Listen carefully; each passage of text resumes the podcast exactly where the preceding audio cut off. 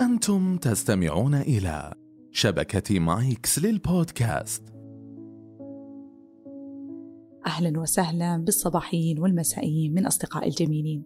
مرحبا بكم في حلقة جديدة من بودكاست كنبة السبت البودكاست الذي يحمل طابع نفسي واجتماعي وفلسفي في أحيان أخرى لوجهة واحدة وجهة الإثراء الممتعة أتمنى فعلا أنكم قاعدين تستمتعون وقاعدين تستفيدون زي ما قاعدة أنا أستفيد معكم بكل هذه يعني بكل آه، الغوص في هذه المفاهيم والدخول فيها والتحدث عنها.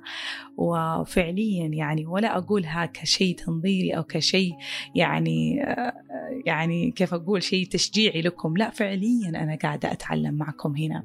وأعتقد أني كتبتها قبل كم يوم. في تغريدة إنه سبحان الله بعد كل يعني أحد المفاهيم اللي أتكلم عنها بعد كل حلقة أجد نفسي يعني في موقف صعب جدا أو مواقف صعبة جدا في إطار هذا المفهوم.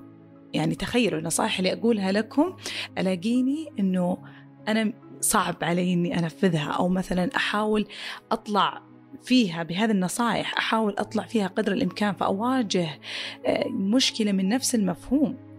لكن طبعا الحمد لله يعني يكون بعد وقت بعد صراع مع هذه النصائح اللي أقولها وأحيانا تطلع أشياء جديدة أنا أكتشفها في نفسي أو تصلح لي أنا. وهذا اللي دائما أقوله أن الشخص ترى طبيب نفسه والشخص يعرف نفسه أكثر من أي أحد. ف المهم إنه ما يستسلم يقوم يواجه الموقف هذا يواجه الشيء اللي قاعد آه، يحدث له ايا كان يعني آه، ويطلب المساعدة يعني يسمع من عقول حكيمة من حوالينه وحيجد حلول أخرى حلول كثيرة. فالفكرة اللي بقولها إنه مهما وصلنا من علم مهما وصلنا من يعني مهما وصلنا من معرفة الحياة بتظل تصادمنا الحياة بتظل آه، تحمل لنا مفاجآت كثيرة إحنا مو مستعدين لها مواقف أشخاص مشاعر آه، فبالتالي يجب علينا أننا نكون مستعدين يعني نفسيا يجب علينا أن يكون لدينا مناعة نفسية. ففي حلقات هذه وفي كنبة السبت أتمنى فعليا أننا نبني سوا مناعة نفسية سوية. مو فقط نمسك المفهوم ونحله وخلاص. آه ويعني خلاص هذا المفهوم كذا بيحل. ودائما أصلا أقول إنه ما في شيء اسمه ABC في الأمور النفسية والفلسفية.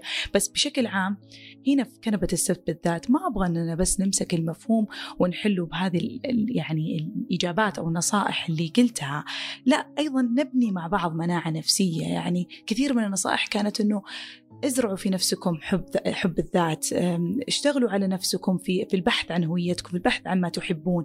هذه الأشياء تخلق لك مناعة نفسية لمواجهة مفاهيم أنا لسه ما طرحتها في الكنبة ولسه يمكن ما واجهناها وبنواجهها بكرة. هذه الحلول مو فقط للمفاهيم اللي ذكرتها يعني مو فقط المتعلقين يسوون هذا الشيء ولا فقط اللي عندهم شيء بيتخلون عنه أو يودهم يتخلون عنه في حلقة التخلي آه، لازم يمشون مع هذه النصائح ولا فقط الأشخاص اللي ضايع اتزانهم وضايعين في الحياة أو لمثقلتهم الأهداف في حلقة ثقل الأهداف هم اللي يستخدمون هذه النصائح. أنا أحاول قدر الإمكان أن كل الإرشادات والنصائح اللي أقولها أنا أكون سويتها بنفسي وأسويها لنفسي حتى لو أنا ما قاعد يعني قاعد أمر بهذه آه، أمر بهذه العرقلات اللي حكيتها في الحلقات الماضية. فباختصار كنبة السبت لنا جميعا للي قاعد يمر بهذه الأمور الصعبة وأيضا للأشخاص اللي ماشية الحمد لله حياتهم تمام. كل النصائح والإرشادات أقولها لنفسي قبل لكم هي لخلق مناعة نفسية كبيرة حتى نجابه هذه الحياة بصورة جميلة وبصورة قوية وبصورة رائعة. حتى نستطيع أننا نعيش في هذه الحياة ويعني نقدر نواجه ظروفها ونستطيع أثناء مواجهة الظروف هذه أن نسعد ونحيا بسلام بإذن الله. ف من هذا المنطلق بقول أن حلقة اليوم عن شعور لا يمكن آه يعني لا يمكن الفرار منه شعور لا مفر منه اللي هو الحب. الحب شعور يجب ولازم وهو مضطرين وأيضا أحيانا غصب إننا نعيشه. لما أقول الحب أتكلم عن الحب بشكل عام لكن يعني بما أني رأيت كثير من الأسئلة وكثير في يعني في في الرسائل تويتر أو في في أي مكان آخر أجد أسئلة كثير عن العلاقات العاطفية بشكل خاص فاليوم حن يعني حنغوص في الحب في العلاقات العاطفية أكثر لكن بشكل عام ببدأ كذا كمقدمة للموضوع إنه ليش طب إحنا نبغى نتكلم عن الحب؟ وليش الحب أقول إنه هو شعور غصب واضطراري و و إلى آخره؟ إنه من نلد وإحنا في يعني تحت والدينا في بيت بين أسرتنا بين أهالينا يعني مع والدينا وأخواننا نجد أننا كل ما نطلب منهم هو الحب وكل ما عليهم أن يقدموا لنا هو الحب. والحب له صور كثيرة اهتمام رعاية مشاركة احتواء مواساة وقفات. كل هذه صور الحب صور الحب كبيرة وكثيرة ومتعمقة يعني وعميقة أقصد. فبالتالي يعني إحنا ما حنشرح إيش هو الحب بالضبط ومن مين إحنا لازم ناخذه. وهذا الشيء يعني أعتقد إنه فطري وجميعنا نعرف إنه جميعنا نعرف ونعلم متأكدين ومتيقنين إن الحب لازم الوالدين يقدمونه لأطفالهم صح ولا لا؟ وإنه لازم الأخوان يقدمون الحب لأخوانهم. لكن ليس بالضرورة هذا هذا الشيء حصل في كل البيوت. يعني للأسف إما لظروف لنفترض إن شخص يتيم. أو شخص مثلا حتى ولد بدون وجود يعني ولد وكان في دار أيتام مثلا. مو شرط أنه فقط متوفى أحد من والديه يعني. فما وجد أصلا عنده أسرة. لنفترض أنه لا والله شخص عنده أسرة متكاملة. لكنها لم تقدم له الحب لسبب من الأسباب مثلا مشاكل عائلية ظروف مثلا عائلة للأسف للأسف وهذا موجود إحنا ما نبغى نكون مثاليين عائلة يعني والدين مربين غير ناجحين بالكامل يعني في إهمال في يمكن تعنيف حتى. ففي صور كثيرة للظروف في هذه الحياة تجعلنا نقول أنه مو كلنا تلقينا الحب اللي لازم يتلقنوا لازم يتلقنونه الأطفال في في في سن صغيرة أو في منذ ولادتهم. لكن زي ما دائما أقول وأكررها وأنا قلتها في الحلقة السابقة لا يجب علينا أن نكون ضحايا تربيتنا وضحايا طفولتنا. إحنا نقدر إننا نعيد ترتيب أنفسنا نقدر ننظف كل شيء حصل لنا نقدر نعيد خلق مفاهيم بداخلنا. فنبدأ بسم الله بمفهوم الحب. الشعور الذي لا مفر منه. الحب يعني لو الواحد يجي الآن بنتكلم عن الحب العاطفي الحب في العلاقات العاطفية من سن الشباب وصاعد يعني أكثر شيء يتكلم فيه العالم في كل الدول وفي كل الثقافات في الميديا في الأفلام في ال music في الأغاني في كل مكان تلقون لازم كلمة الحب هذه موجودة لازم الحديث عن الحب. وتجدون أنه الحب فيه يعني في حديثه فيه يعني شيء يعني اهتمام كبير حتى في حتى في جانب يعني حتى لو شخص وجد حبيبه أو شخص متزوج من سنين طويلة تلقاه يعني يرى الحديث عن الحب فيه اهتمام عالي جدا فليه كل هذا الاهتمام؟ ليه كل هذا الاهتمام الكبير تجاه الحب؟ هو شيء سعيد أكيد شيء ممتع شيء مريح لكن في أشياء كثيرة ممتعة وجميلة وسعيدة. الأكل لذيذ وجميل ورائع. الأهداف اللي إحنا نسعى لها. الملاهي حلوة. القضاء الوقت مع الأصدقاء شيء حلو جميل بس ليش الحب الذات يعني فيه هذا الاهتمام الكبير؟ وأنا أسأل هنا أتساءل. أنا مو قاعدة أنقد. أنا أتساءل. لأنه أنا معكم زي زي كل أحد آخر. في اهتمام كبير تجاه مفهوم الحب. بحثت كثير عن الموضوع يعني ما وجدت كلام علمي أكيد عن أهمية الحب في دواخلنا. اللي يعرفوا أن في دواخلنا هرمونات سعادة وفي هرمون يفرز مع الحب وأيضا من هرمونات السعادة قد يفرز مع حتى رغبتك في الأكل اللي يسمونه comfort food McDonald's وهذه الأمور قد يفرز أيضا. عندنا دوبامين عندنا سيروتونين وإندورفين هذه كل الهرمونات اللي لما تفرز يشعر فيها الواحد بالسعادة. قد يشعر فيها في الملاهي قد يشعر فيها بعد الجيم قد يشعر فيها مع وجبته المفضلة. المفضلة من أي مطعم في هذا النوع من الأكل يعني اللي يسمونها الكونفي فود الأكل المريح اللي هو زي الوجبات السريعة. فقد تفرز هذه الهرمونات في كل مكان لكن بالذات مع الحب يشعر الشخص أنه هذا هذا الشعور أنا ما أقدر أحسه مع أي شيء آخر. ويكون بسبب ارتفاع الدوبامين بشكل عالي اللي هو هرمون السعادة. وعلى فكرة الدوبامين هو هرمون يفرز حتى مع أخذ المخدرات. أنا عارفة فجأة كذا. فجأة جبت المخدرات فجأة بس أنا أعني أنه المدمنين على المخدرات كلمة الإدمان يدمنونها بسبب هذا الهرمون اللي يفرز بصورة عالية جدا ويشعر الواحد أنه منتشي جدا ويشعر بسعادة عالية ويفقد حتى يعني نقول البرسبشن بصيرته تجاه اللي حوالينه. فيدمن على هذه المادة بسبب هذا الهرمون. في الحب وجد العلماء أنه فعليا يفرز هذا الهرمون بنفس الصورة تقريبا. بنفس الصورة. فبالتالي نقدر إحنا نقول إنه في في أشخاص قد يدمنون يدمنون الشخص الآخر يدمنون الطرف الآخر. طيب أنا ليش قاعد أتكلم كل هذا الكلام؟ ليش قاعد أقول انه يعني أول شيء أن الحب بزيادة آه، مفهوم منتشر بشكل كبير والحديث عنه آه، يعني له اهتمام كبير جدا من حوالينا وأنه ترى ممكن إحنا ندمنه وأنه شيء عظيم. أبغى أبين لكم أهمية حديثنا اليوم عن الحب. أبغى أبين لكم أهمية يعني أخذنا الموضوع بطريقة موضوعية. أعرف أن الحب مشاعر وجميل بس أنا هنا اليوم مو جاية آه، أتغزل في الحب وأعطيكم أشعار الحب. هذا خليته للشعراء الجميلين اللي إحنا لا غنى لنا عنهم يعني. بنتغنى بالأغاني بنتغنى بهذه الأمور بنتغنى بالأشعار وبننبسط. الحديث عن الحب ممتع بس أنا أعطيت كل هذه المقدمة عشان ما تقولون أوه حتى الحب خلته شيء منطقي خلته شيء موضوعي.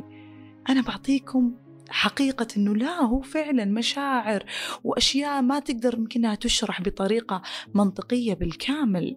والدليل أنه العلم لسه ما وصل لتعريف معين له مع أن العلم قاعد يحاول العلم في الدراسات في أبحاث علماء النفس وبالذات الأخصائيين النفسيين صاروا يسوون دراسات في موضوع آه، الحب ويسوون دراسات بين الأزواج ومقارنات و عشان يصلون إلى إلى شيء علمي أو إلى نقدر نقول إلى نظريات يستطيع الإنسان الاستناد عليها فيحب بطريقة صحيحة. بس ممكن أصحاب الحب الآن الشعراء ويقولون أوه خلاص كل شيء خليتوه بالمنطق كل شيء خليتوه بال... بالعلم. عادي في أشياء إحنا بس نحسها في أشياء إحنا بس نستمتع فيها روحيا. أنا مع أنا مع.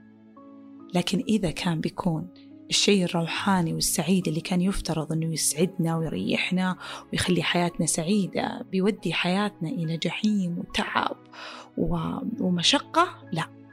أنا هنا أبغى أسوي بريفنشن أبغى أسوي وقاية من هذا النوع من الحب.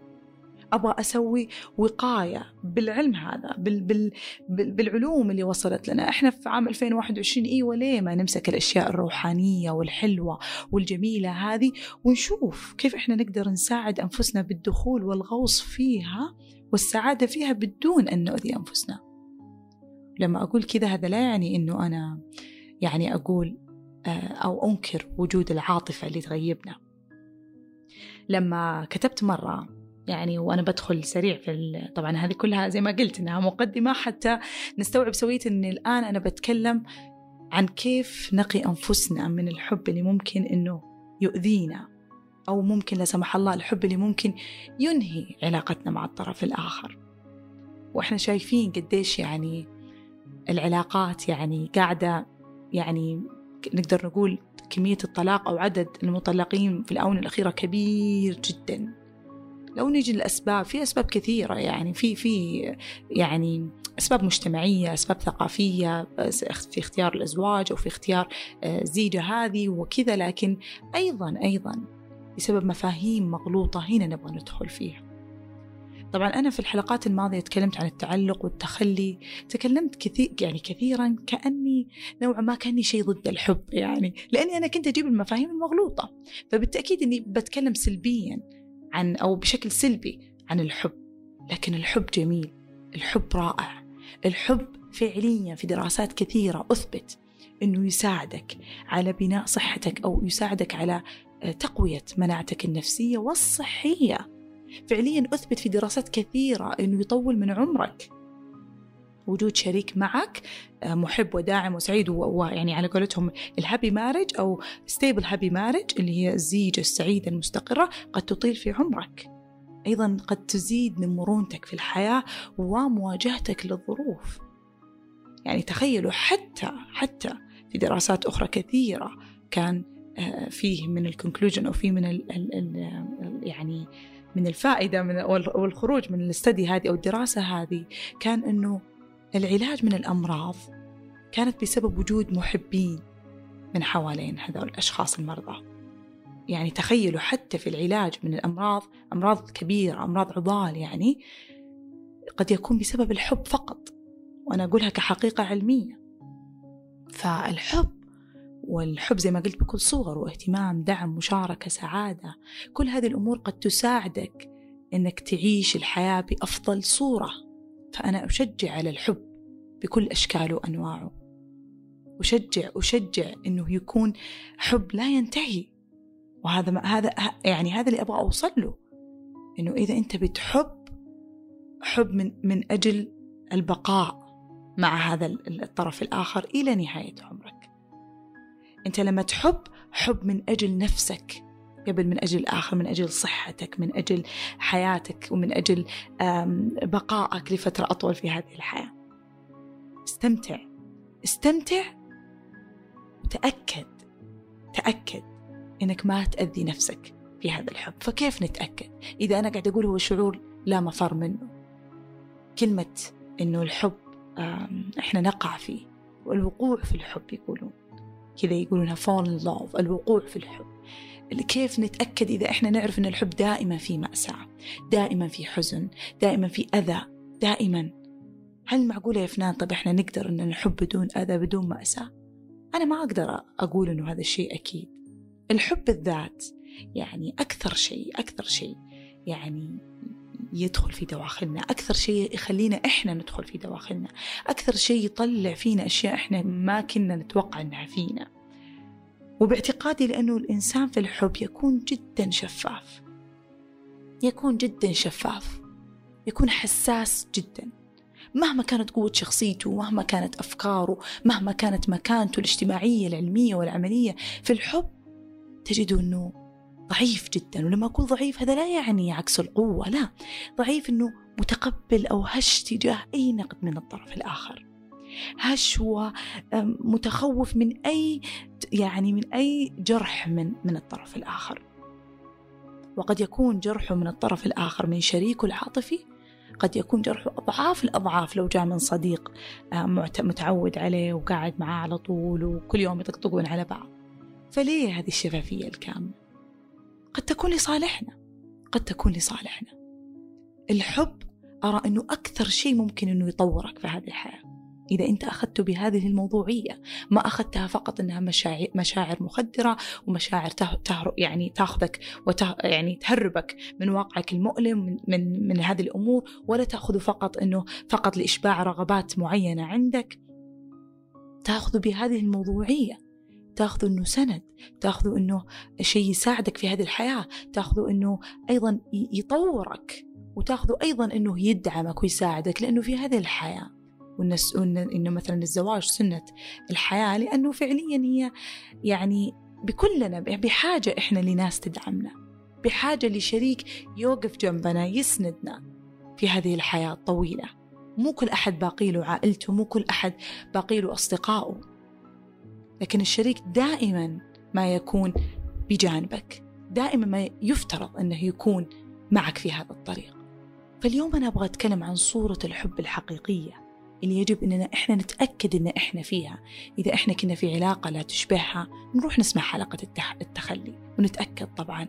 إذا إحنا كنا في علاقة متعبة ومدري نروح نسمع حلقة التعلق. نتأكد إننا إحنا مو في صورة سيئة للحب أسوأ صورة للحب لأن الحب حرام. الحب أجمل من كذا بكثير.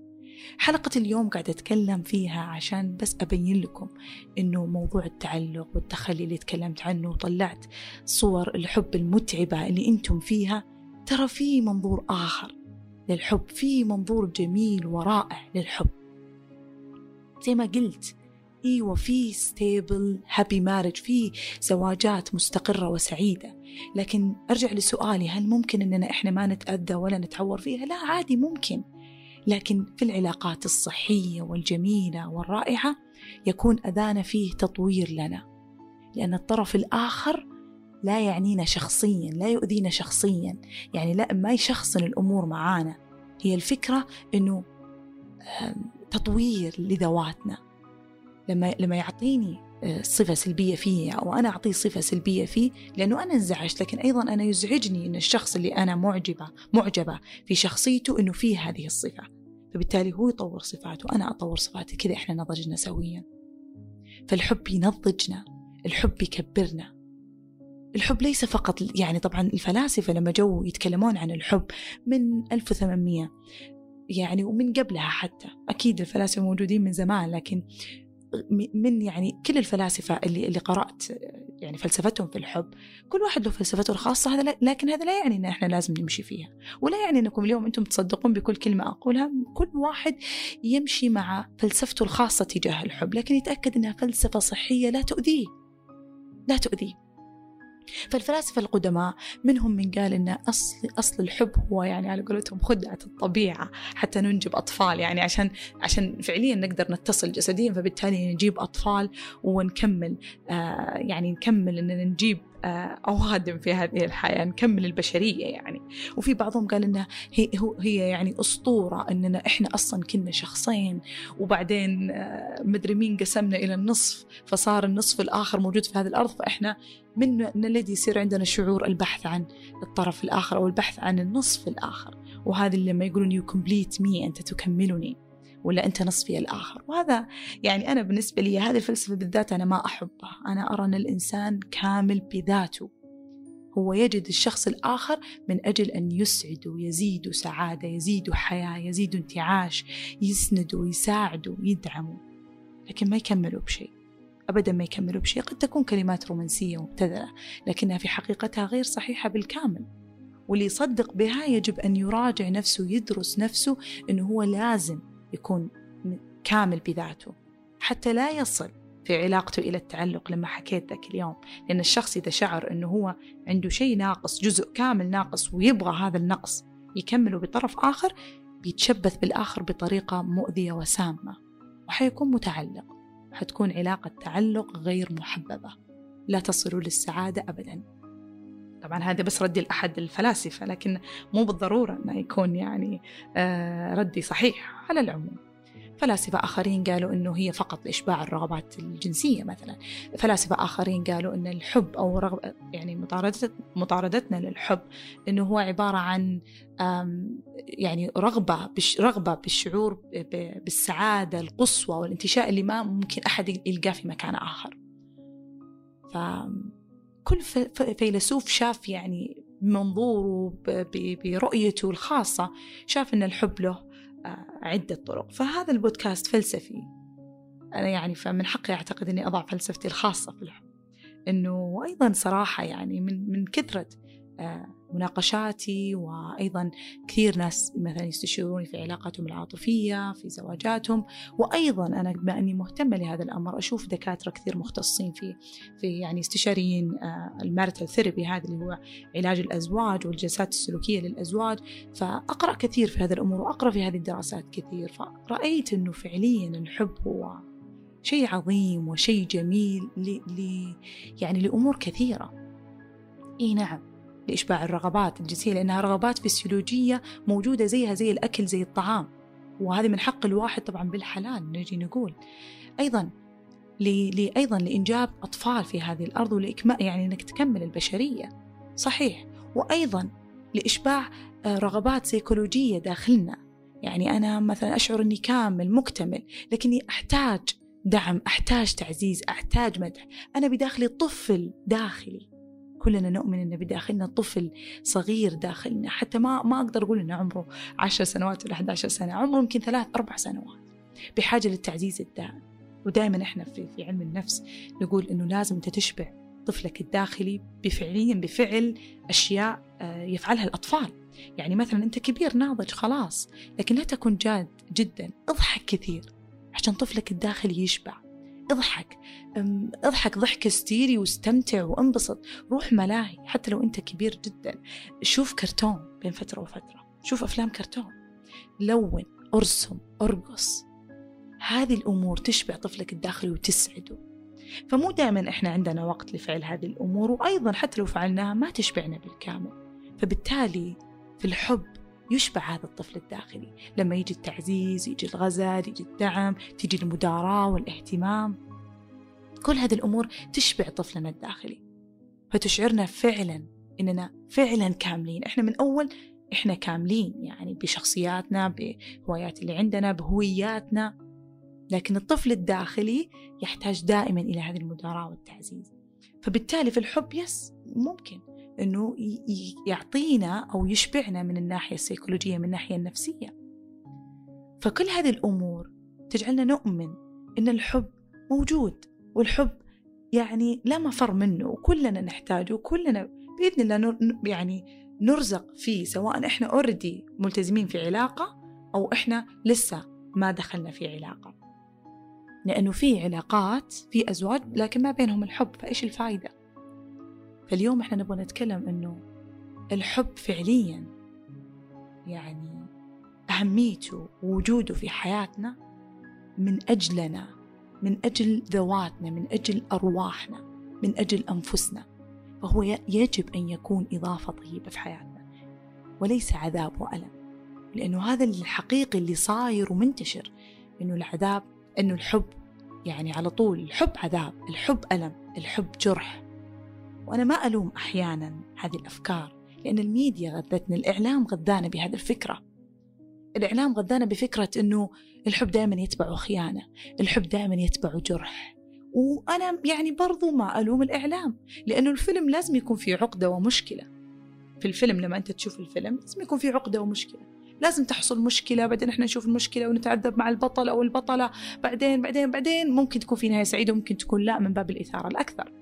يعني ويكون الفيلم أعظم وأفضل يعني لما يكون في نهاية مفتوحة ولا نهاية مرة درامية بزيادة هذه هذه فائدة الدراما أنها تخلق يعني دراما.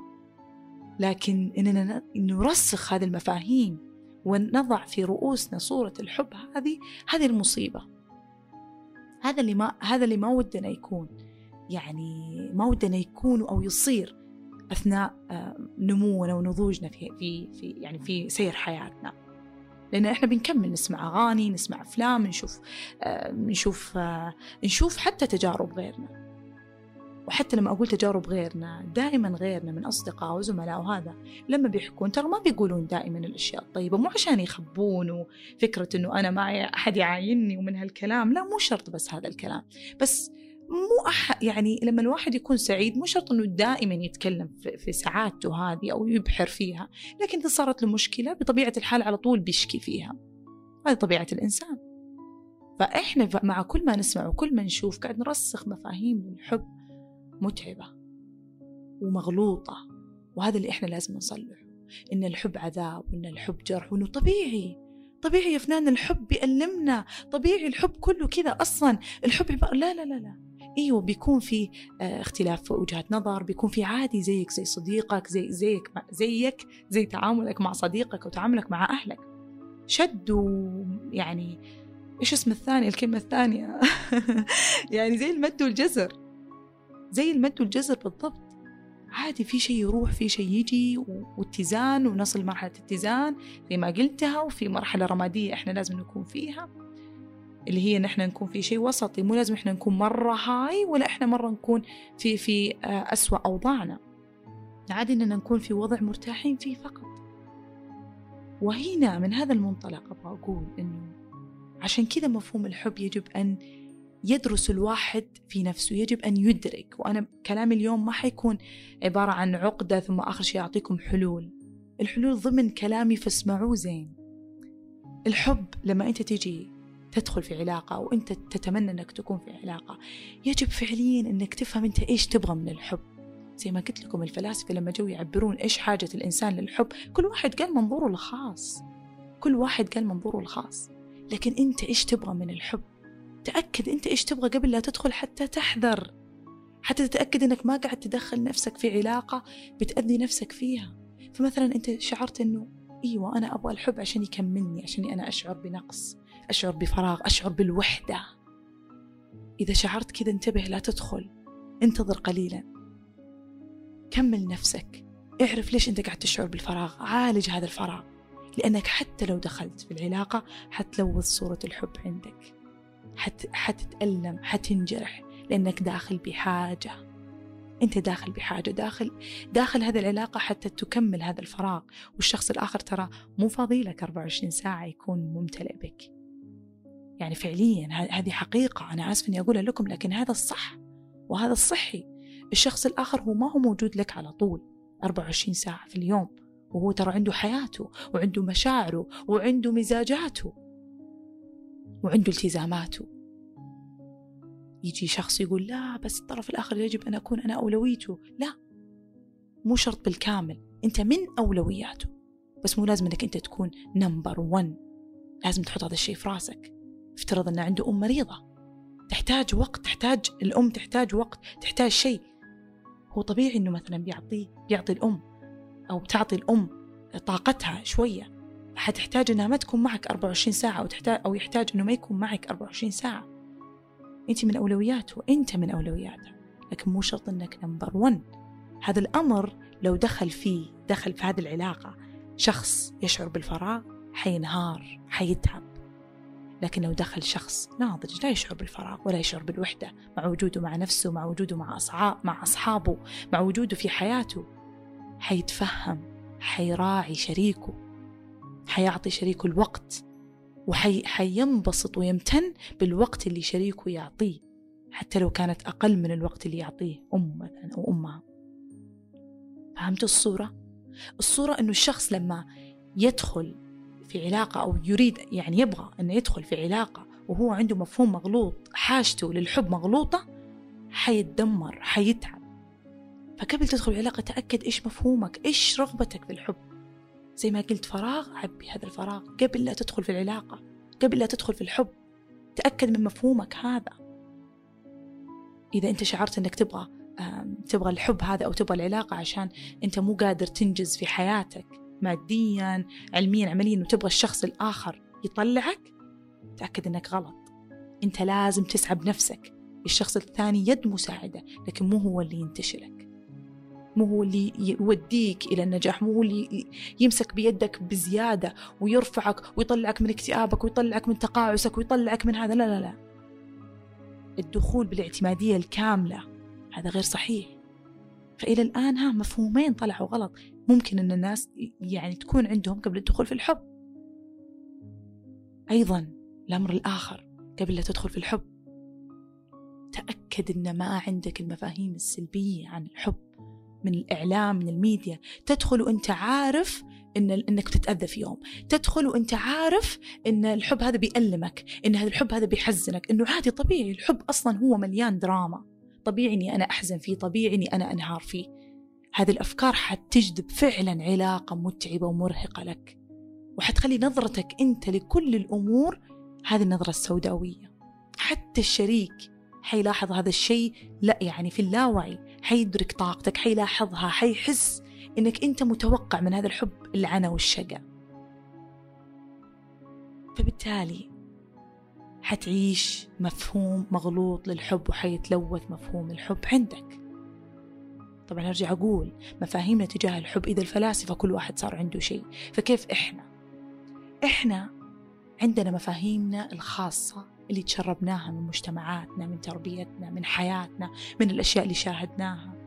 نلاحظ مثلا طفلة كانت تحب مثلا تحب كرتون سالي.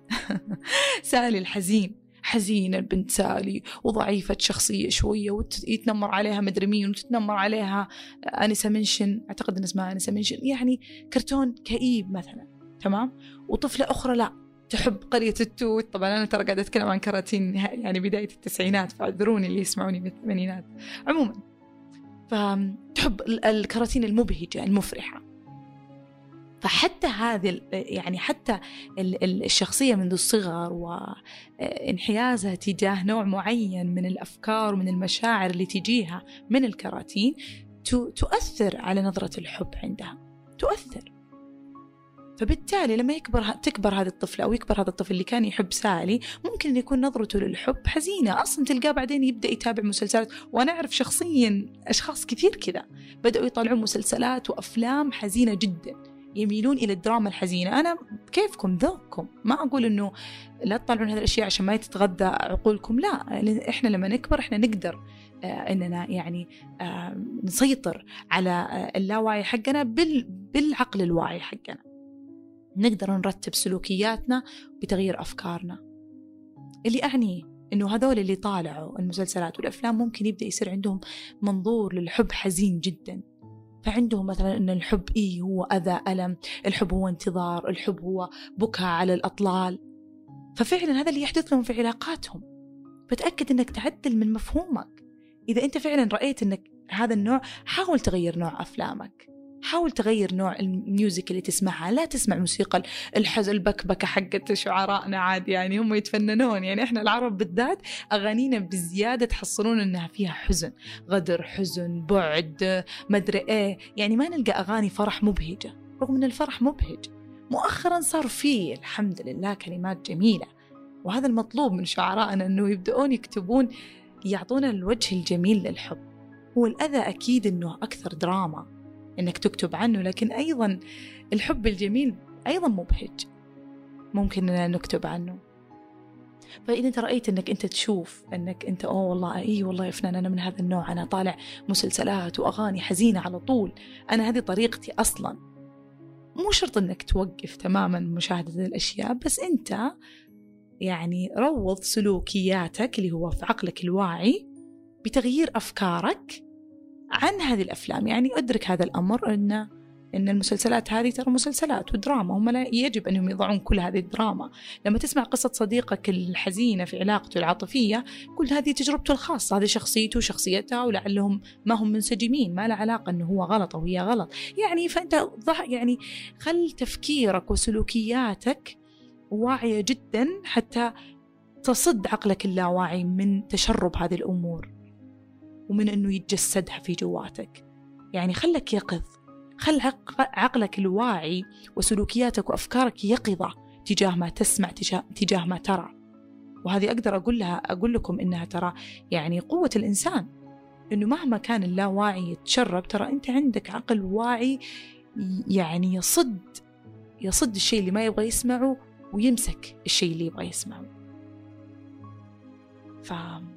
فمن هنا أقدر أقول أنه إحنا لازم نتأكد من مفهوم الحب.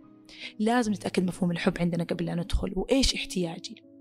هي سؤالين أنت تسأل تسأل نفسك فيها. الحب جميل الحب رائع الحب انتشاء الحب حيسعدك حيطورك حي... حيسندك حيدعمك حي... حيدعمك. أنا قلت يدعمك. كأنه يعني يدعسك للأسف. يعني واضح أن العقل اللاواعي شغال. لا لا بس فعليا. حي يعني يدعمك على الأخير. حيساعدك. لكن الفكرة من يعني الفكرة أنك أنت تغير من أفكارك وتغير من طريقة تفكيرك تجاه الحب حيساعدك في دخول علاقة صحية حيساعدك في وصول إلى زيجة مستقرة سعيدة. وأنا هذا الكلام أقوله للمتزوجين والغير متزوجين. إنه حتى المتزوجين قد يكون عندهم أفكار سلبية تجاه الحب وعندهم معتقدات سلبية تجاه الحب أو مش بس معتقدات سلبية معتقدات مغلوطة. زي ما قلت إنه حاجته حاجته تجاه الحب ليه؟ يصير عنده أجوبة مغلوطة يجب إنه يصلحها. فإيش طيب إيش يفنن المعتقدات الصحيحة اللي يجب أن تكون عند الشخص تجاه الحب أو تجاه العلاقة القادمة اللي بيدخلها أو في علاقته الحالية؟ المعتقدات الحقيقية والرائعة والجميلة في الحب إنه يجب أن تتأكد أنك أولا يجب أن تكون كامل بنفسك. يجب أن يكون تعرف أنت مين وهذا دائما أتوقع أني الآن طفشتكم فيها في الحلقة السادسة الآن أو إحنا السابعة ما أدري. وأنا أقول لكم هالكلمة لكن زي ما قلت لكم هذه نصيحة عامة وكبيرة. بس فعلا لما أنت تكون تعرف نفسك لما أنت تكون تعرف إيش تحب لما أنت تعرف إيش تبغى إيش ما تبغى هذه الشخصية لما تكون عندك الطرف الآخر يحترمك حيكون في العلاقة فيها احترام. الأمر الآخر يجب أن تعلم أنك أنت تستحق تستحق أنك يكون معك شخص يسعدك شخص يونسك. لكن في نفس الوقت يجب أن تكون سعيد بحد ذاتك لأنه الطرف الآخر لما بيشوفك أنت سعيد وتقدر تسعد نفسك بنفسك حيجتهد عشان هو يكون سبب في سعادتك. كذا أنت الآن ضمنت شيئين في علاقتك القادمة احترام وسعادة. إيش أكثر من كذا؟ وش أفضل من كذا؟ بعدها أشياء كثيرة أخرى.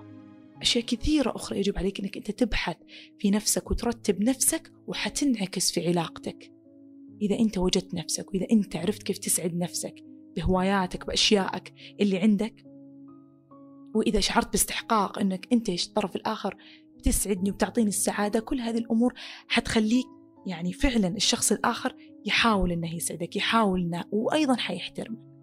الأمر الآخر لما تطالع بالعلاقة لما أنت تكون مكتمل وعندك هواياتك وعندك أشيائك وتسعى في حياتك وأنت عارف أن أنت مؤمن بالحب مؤمن بقوته مؤمن بجماليته وأنت تبغاه لكن في نفس الوقت أنت عارف أن أيضا جواتك يحتاج حب فتغذي طفلك الداخلي أنت بنفسك وتغذي الحب جواتك أنك تحب نفسك. فتعطي من نفسك آه، تعطي تعطي نفسك الوقت تعطي نفسك من وقتك وتعطي نفسك من جهدك. يعني زي ما قلت إنك مثلا تق... لما يصير شيء يحزنك تقعد مع نفسك بقلم ورقة وتفرغ آه، تطلب المساعده وتفرغ هذا الشيء ما تكبته تهتم بمشاعرك ونفسيتك. تروح البحر تمشي فيه شوية تغير جو تروح الحديقة شوية تنفس عن غضبك لما تهتم وتلتفت لنفسك. زي ما قلت دائما إن الالتفات لنفسك هي الالتفات الوحيدة اللي ما تكسر رقبتك. لما تلتفت لنفسك وتعطيها هذه المشاعر وتعطيها هذه الأمور بتستوعب وقتها. إن الشخص الآخر ما هو مسؤول مية بالمية عن سعادتك. هو حيضفي في حياتك الشيء الجميل حيضفي في حياتك أشياء رائعة ومشاعر جميلة لكنه هو ما هو مسؤول بالكامل عن نفسك. لأنك أنت رأيت نفسك لما جتك المشاعر السلبية كنت أنت مسؤول عن نفسك وطلعت نفسك من هذا الشعور. لما بتدرك هذا الأمر قبل لا تدخل في علاقة أو حتى زي ما قلت أنت في علاقة الآن لما بتدرك هذا الأمر حتخف الديماندينج والمطالبات في العلاقة حيخف الضغط على الطرف الآخر. لأنك أنت تعرف كيف تعالج مشاعرك وأنت متأكد أن الآخر ما هو مسؤول مية بالمية أنه دائما يطلعك من مشاعرك السلبية. هو حيحاول حيجتهد لأنه هذا الحب الحب عطاء. لكن هو ما هو دائما مسؤول. وأقول هذه الكلمة لأنه أغلب العلاقات اللي تتحول إلى علاقات مسمومة تكون بسبب الأوفر ديماندنج المطالب الكثيرة. إنه أنا زعلان أنا عندي ظروف ليش أنت مو معي؟ ليش وبزيادة يكون؟ صح هذا الشخص بيحاول إنه يكون معك لكن افترض حتى الآخر عنده ظروف.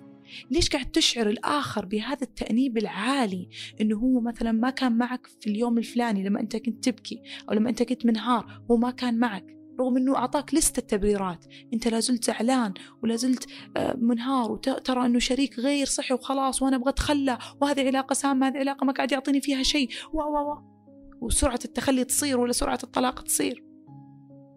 لأنه والله هذا الشخص ما قاعد يعطيني آه، الراحة لما أنا أكون تعبان لما أنا أكون زعلان. لا. طب أنت مسؤول برضو عن نفسك. طلع نفسك. أنا ما أقول ادخلوا في علاقة أو اعتمدوا على نفسكم كليا والطرف الآخر ما له دور. لا بالعكس. العلاقات العاطفية هذا جماليتها أصلا. إن فيها كمية عطاء أعلى من العلاقات الأخرى. لأن لازم يكون فيها اهتمام. هذه أول أول شيء في بقاء العلاقات. لكن أيضا لازم يكون فيها تفهم والتفهم يكون لما أنت تدرك أنك أنت أيضا مسؤول عن مشاعرك وأنت تقدر تطلع نفسك منها. إذا طلعت نفسك منها إذا أنت ريحت الطرف الآخر.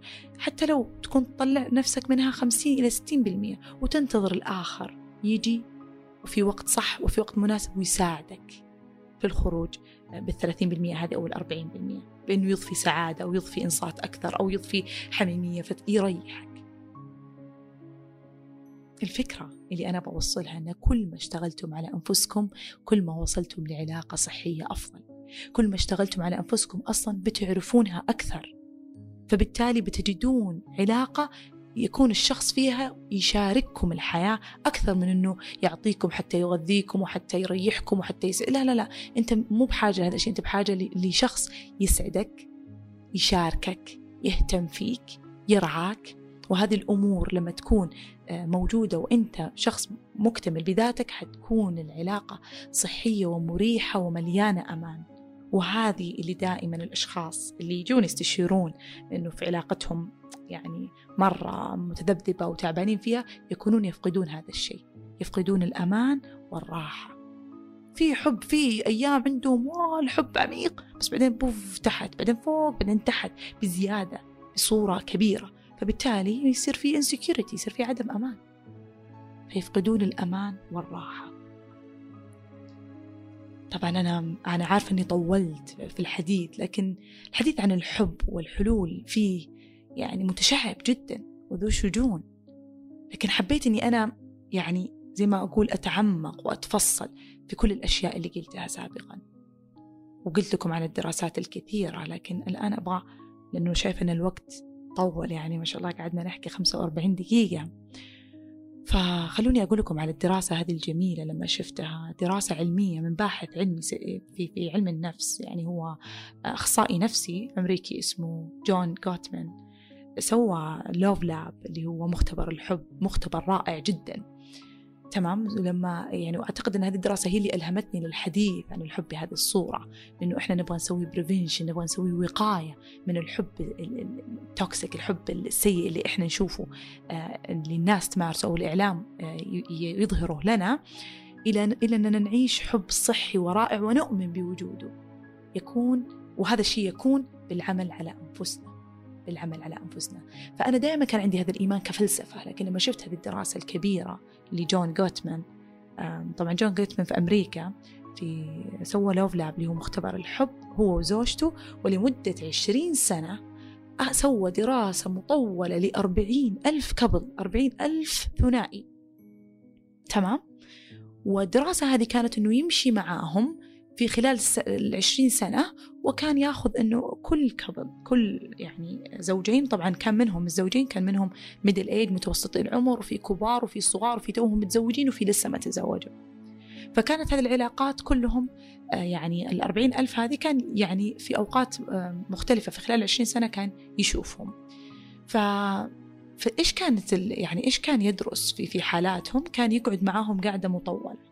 ويتكلم معاهم. في هذه الأثناء كان يشوف يعني تخيلوا يشوف صحتهم النفسية يشوف علاماتهم الحيوية ويشوف تعابير وجههم يدرس كل هذه الأمور. تعابير الوجه كان يصورها طبعا ريكورد. يصور المقابلة كاملة ويتكلم الأسئلة كانت إنه متى أول مرة تقابلتم كيف تقابلتم وفي أسئلة مستفزة شوية إنه طب إيش يزعجك فيها إيش تزعجك فيك هذا الكلام.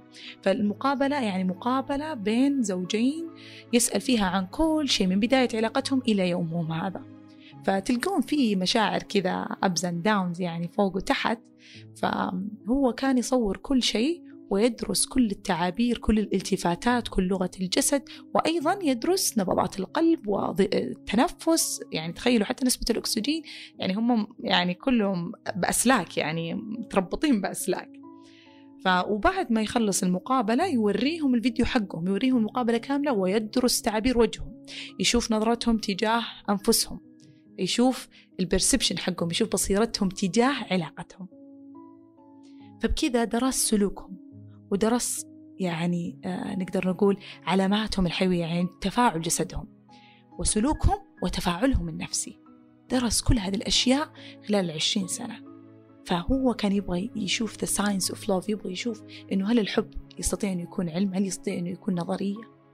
فهو وجد نظرية. هذه كانت الكونكلوجن حقته كانت خاتمته رائعة جدا ونتيجته نتيجة بحثه. رائعة جدا إنه قال إنه لاحظنا طبعا إيه يعني الأهم والأهم إنه الدراسة في النهاية نسبة البريدكشن حقهم نسبة التوقع حقه آه للطلاق نجحت بنسبة 90% يعني تخيلوا إنه هو بعد ما خلص يعني كان يدرسهم قاعد يقول فلان هذول احتمالية الطلاق حقهم 90% هذول احتمالية الطلاق 98% هذا احتمال الطلاق يعني من دراسته لحالتهم والجلوس معهم وكل هذه الأمور وكل ال data هذه اللي قاعد يطلعها حطوا توقعات مين اللي بينفصل. وفعلا نجحت توقعاتهم بنسبة 90% وهذه نسبة كبيرة جدا. فهذا معناه إنه في science في علم للحب. أنا أقدر أقول إنك أنت يعني طبعا مو أنا بس قصدي كذا في يعني بالدراسة يقدر إنه يقول إنه أنت بتقعدون مع بعض ولا أنتم ما بتقدرون تقعدون مع بعض. فمعناه في أشياء ABC نقدر إن إحنا نسويها حتى نتغذى بحب آه، صحي أو بزيجة سعيدة وصحية. هو طلع بي بنتيجة رائعة كذا لما قال إنه إنه قدر إنه يتوقع يعني يقدر يتوقع الطلاق فبالتالي يقدر يعرف إيش الأشياء اللي ودت إلى طلاق وتكلم عنها مطولا. لكن أنا يعني أعتقد إنه أغلب الكلام ممكن قلته في الحلقة فما بكرره. لكن باختصار وجد مثلث كذا. هرم. الهرم له ثلاث زوايا. أنت تحتاج ثلاث أشياء حتى حتى يجب حتى يعني تصل إلى هذه العلاقة الناجحة. والمستقرة والصحية. تحتاج الكوميتمنت تحتاج الالتزام وتحتاج الكام اللي هو الهدوء وتحتاج الترست الثقة. بتقول فلان طب هذا ما هو كلام جديد يعني الثقة والالتزام والهدوء مثلا يعني أكيد إنها أشياء عوامل مهمة. لا لا أنا أقدر أقول لك إن الثلاثة هذه فقط. الثلاثة هذه فقط تقدر إنها تجعل العلاقة مستقرة وسعيدة وناجحة. لما أقول كام معناه إنك تكون شخص هادئ فعليا. يقول العالم هذا لما كنا نقعد مع الأشخاص الهادئين يقول يمكن تشوف أنهم أوه مملين لكن هم اللي بقوا إلى آخر المشوار. لما أقول هادئ مو شرط أنك تكون هادئ ممل لا. لما تكون هادئ أنك تكون شخص ما أنت عصبي ما أنت منفعل ما أنت مستعجل. هذه كلها أشياء أنت تشتغل عليها في شخصيتك. إذا نرجع نقول أن الشغل على ذاتك قد يجعل أنك وصلت إلى نصف الهرم خلصت نص الطريق. لإيجاد علاقة رائعة وصحية ومستقرة. كون شخص هادئ كون شخص متزن.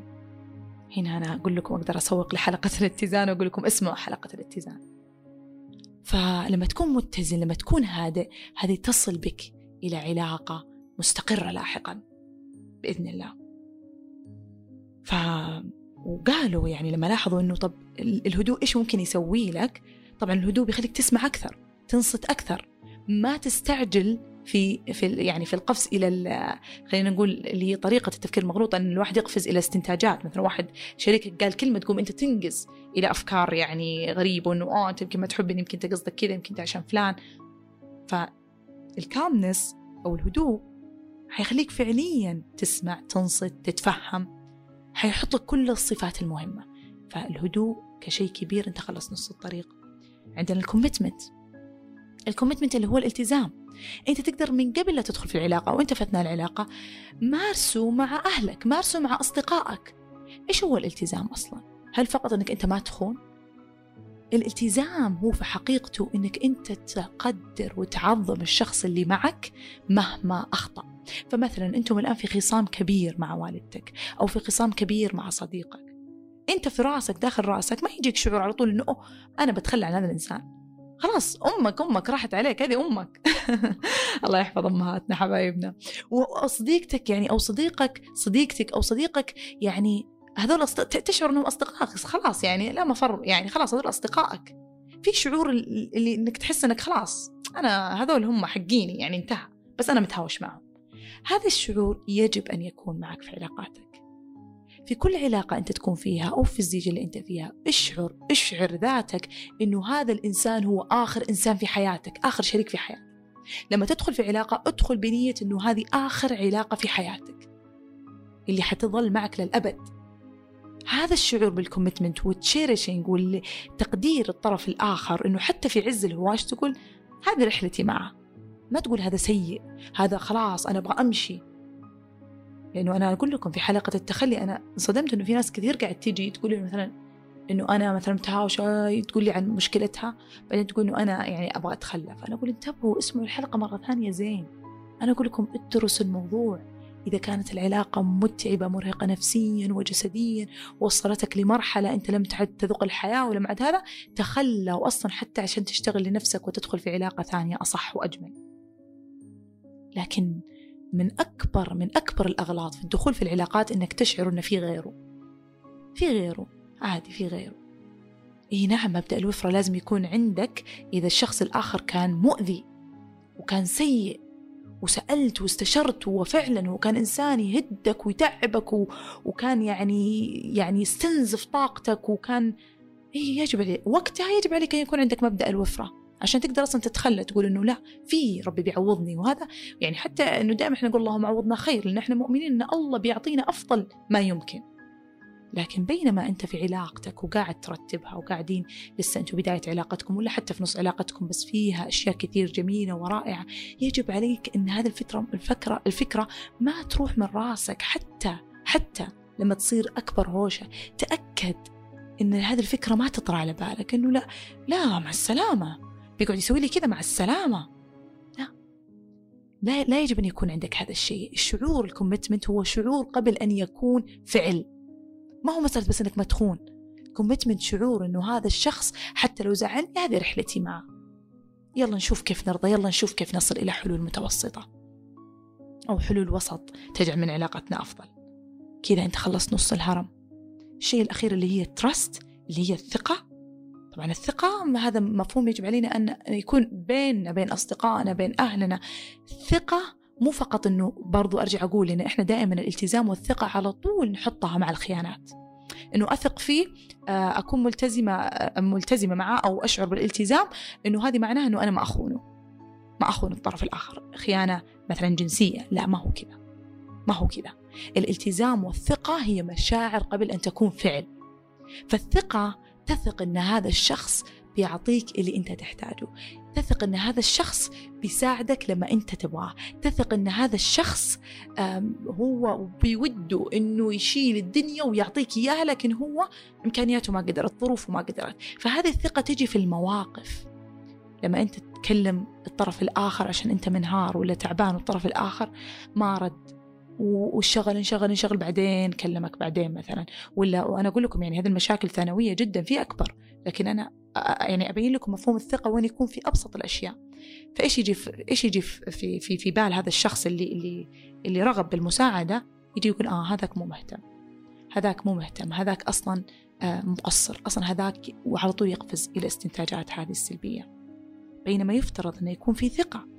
يفترض أنه يكون في ثقة أنه هذا الشخص مية بالمية حيكون موجود. مية بالمية حي حي يعني حيساعدني لو أنه كان يقدر. وهو بمجرد ما يشوف اتصالي بمجرد ما يفضى حيكلمني وحيساعدني وحيسندني. وأعتقد أن هذه الثقة في الطرف الآخر ما حتجي بدون ما يكون عندك ثقة في النفس. والثقة في النفس تجي من السلف لوف من الحب الذاتي. لما أنت تكون حاب نفسك واثق من نفسك حتقدر تثق بالآخر. كل هذه الهنس اللي قاعدة أعطيكم إياها لإصلاح أنفسكم هي من أجل إصلاح العلاقة اللي أنتم فيها. لأنها حتنعكس على علاقتكم. أنفسكم حتنعكس على علاقتكم. القادمة أو اللي أنتم فيها الآن. فالمثلث أنا أنا شفته رائع جدا. الكوميتمنت الكام والترست الثقة والهدوء والالتزام. هذه من دراسته الكبيرة عشرين سنة يعني أقدر أقول إنه إن, إن استنتاج يعني لازم نقدره.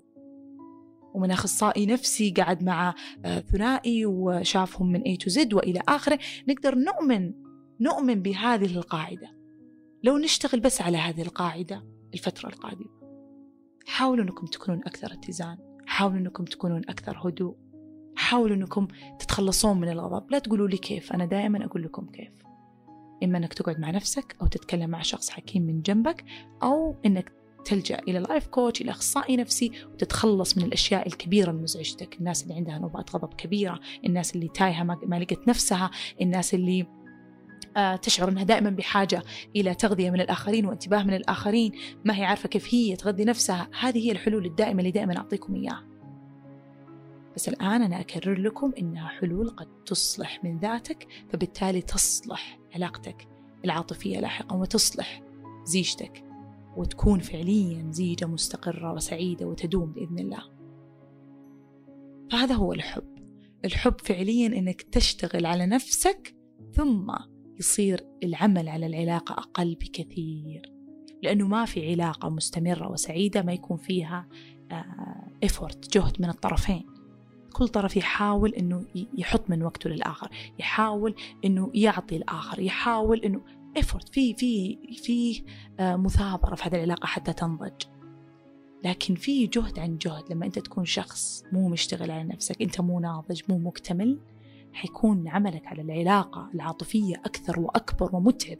وتخيل أنك أنت تشتغل على العلاقة مع طرف آخر يعني لازم العقول تصل إلى يعني تتزن وتصل إلى مرحلة معينة و... فمن الأسهل ومن الأفضل ومن الأسلم أنك تعمل على نفسك فينعكس ذلك على علاقتك العاطفية. وأنا أتكلم الآن للناس اللي ما عندهم علاقة وللناس اللي في علاقة. الكلام لكم جميعا.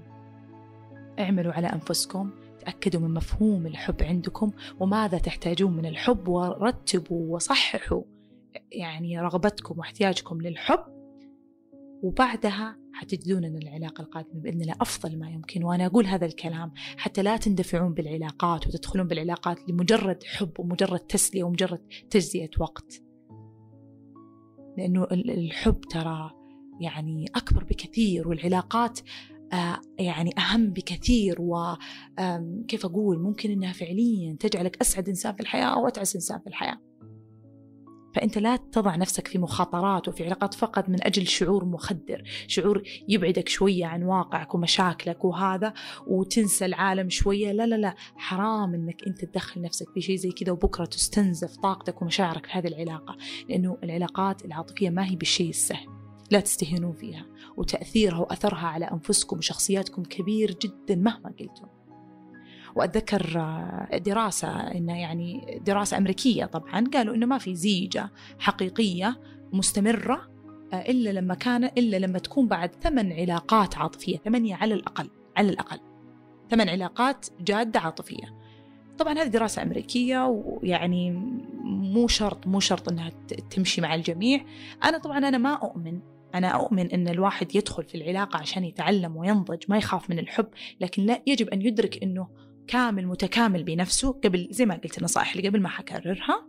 لكن أيضا أنا ما أؤمن باستسهال الأمر في الدخول بعلاقات كثيرة حتى الواحد يصل إلى علاقة جادة.